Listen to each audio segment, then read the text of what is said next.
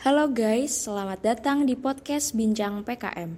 Podcast ini akan mengupas tuntas bidang-bidang PKM biar teman-teman gak bingung lagi nih buat milih bidang yang mau diikutin di PKM yang akan datang. Selamat mendengarkan.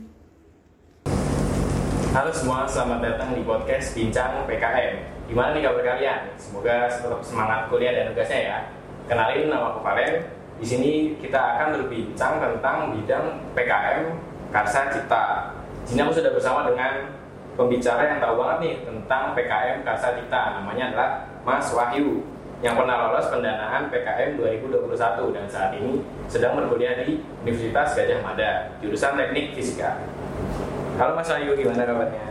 Halo Mas, selamat pagi. Eh, Alhamdulillah sehat. Alhamdulillah sehat. Lagi sibuk apa nih Mas akhir-akhir ini? Ya akhir-akhir ini lagi sibuk kuliah. Selain itu juga eh, melanjutkan proyek yang sempat di ajukan ke PKM bersama Smart Agriculture-nya UGM. Oh, berarti sudah melanjutkan proyek ya? Iya. Nah sebelum kita bahas yang lain nih, Mas Wahyu kan udah punya pengalaman bidang PKM Karsa Cipta. Mungkin Mas Wahyu bisa jelasin nih, PKM Karsa Cipta itu sebenarnya apa sih? Ya, kalau kita berbicara tentang PKM itu sendiri kan eh, program kreativitas mahasiswa yang diadakan oleh eh, Kemendikbud Ristek Diti.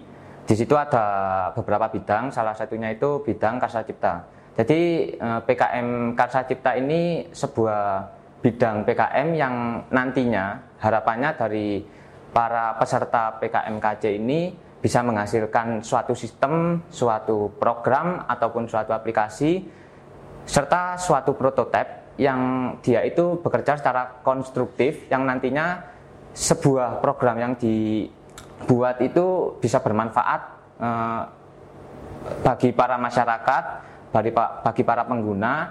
Tetapi bedanya PKMKC dengan PKM penerapan IPTEK dan penerapan pengabdian masyarakat ini, kalau PKMKC ini harapannya nanti sebuah produknya itu bisa dimanfaatkan oleh para peserta yang mengajukan PKMPI dan PKMPM. Jadi bisa diterapkan dan bisa diabdikan kepada masyarakat. Mungkin secara umum seperti itu. Jadi PKM Karsa Cipta ini menciptakan produk yang kemungkinan diaplikasikan ke masyarakat gitu ya? Iya. Oke. Ada alasan khusus nggak sih mas kenapa pilih PKM KC? Kenapa nggak bidang PKM yang lain? Dan apa motivasi Mas Wahyu pilih PKM KC? Nah, kalau untuk saya sendiri bersama tim itu memilih bidang PKM KC karena uh, kita tahu dari Indonesia itu sebenarnya potensi dan uh, keanekaragaman sumber dayanya itu kan sangat luas mas, sangat tinggi. Tetapi kita sadar bahwa Indonesia itu masih belum menerapkan beberapa teknologi terhadap setiap bidang yang memiliki potensi luas. Sehingga ketika teknologi itu tidak bisa diterapkan atau belum diterapkan pada suatu bidang yang berpotensi nantinya dari setiap bidang itu tidak bisa memberikan manfaat yang lebih mas bagi para masyarakat serta bagi, pemerintah Indonesia sendiri oleh karena itu eh, kami bersama tim itu memilih bidang PKMKC harapannya kita bisa menerapkan sebuah teknologi. Salah satunya kalau dari tim kami itu menerapkan teknologi di dalam bidang pertanian. Karena kita sadar Indonesia itu negara agraris, tapi kenapa sampai saat ini Indonesia itu masih e, menerapkan sistem impor yang tinggi. Padahal kalau kita bisa menerapkan sebuah teknologi, memanfaatkan sumber daya yang ada, kita akan menjadi negara yang maju di sektor agraris. Oleh karena itu, itu menjadi motivasi tim kami supaya Indonesia itu bisa menerapkan sebuah teknologi tepat guna yang nantinya bisa mendukung uh, sustainable agriculture di Indonesia. Seperti itu, Mas. Indonesia ini punya potensi besar sekali ya untuk yeah. teknologi ini. Nah, buat cari topik proposal itu gimana sih, Mas? Ada cara tertentu nggak? Atau hal-hal apa saja yang Mas lakukan untuk menemukan latar belakang proposal?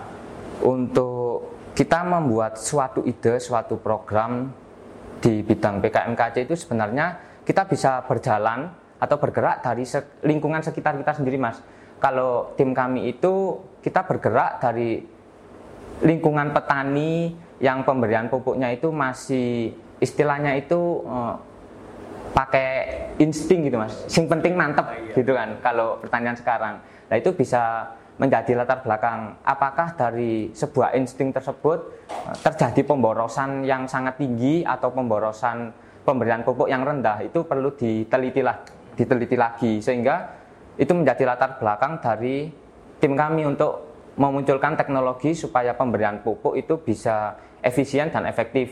Serta hasilnya itu tetap meningkat dan tetap memberikan hasil yang maksimal.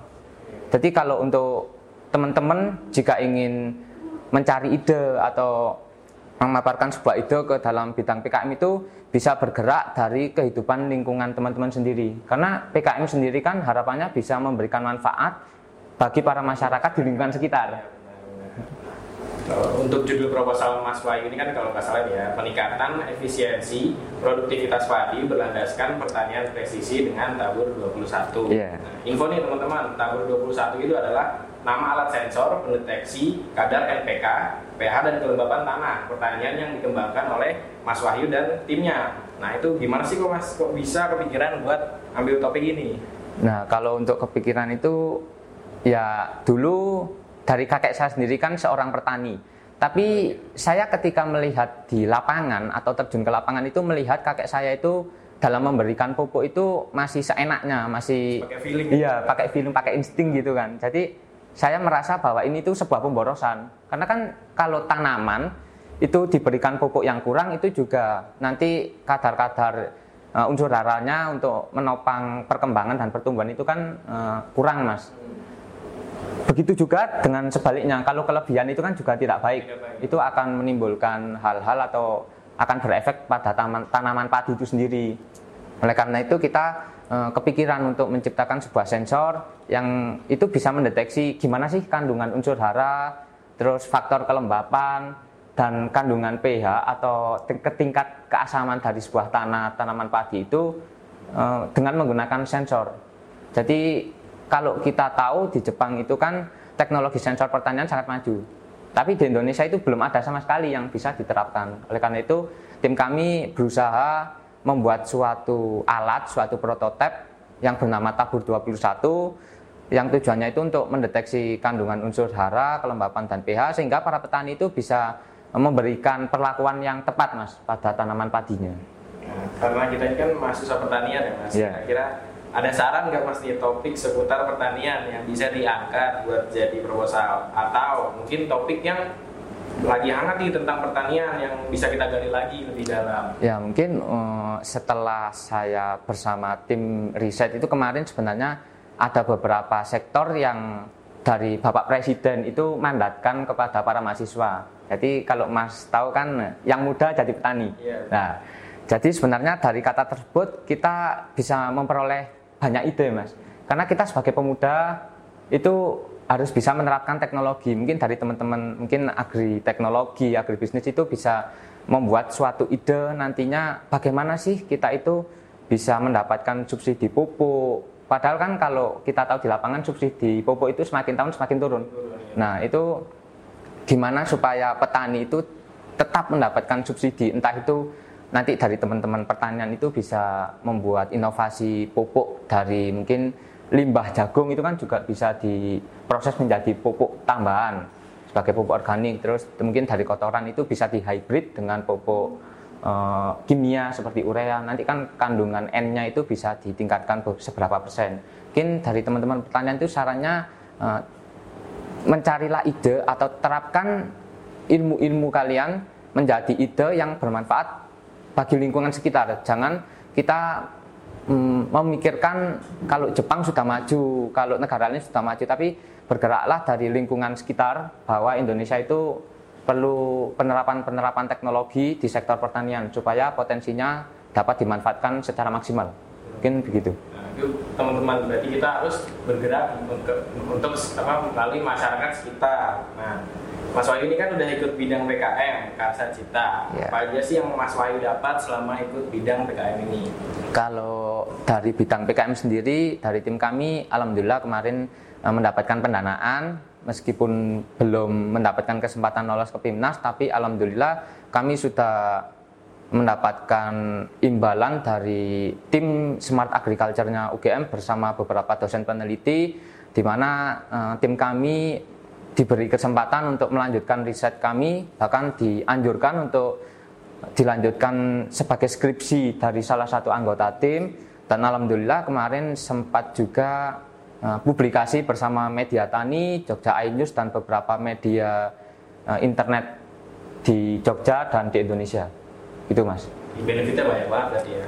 Nah, nggak terasa nih Mas, kita udah di penghujung podcast. Sebelum aku tutup, mungkin Mas Wahyu bisa nih kasih pesan untuk peserta PKM 2022. Ya, mungkin untuk teman-teman eh, nanti yang ingin mengajukan sebuah ide atau sebuah inovasi di PKM 2022, harapan dan saran saya mungkin teman-teman jangan pernah menganggap bahwa hal kecil itu tidak bisa berpengaruh terhadap hal besar.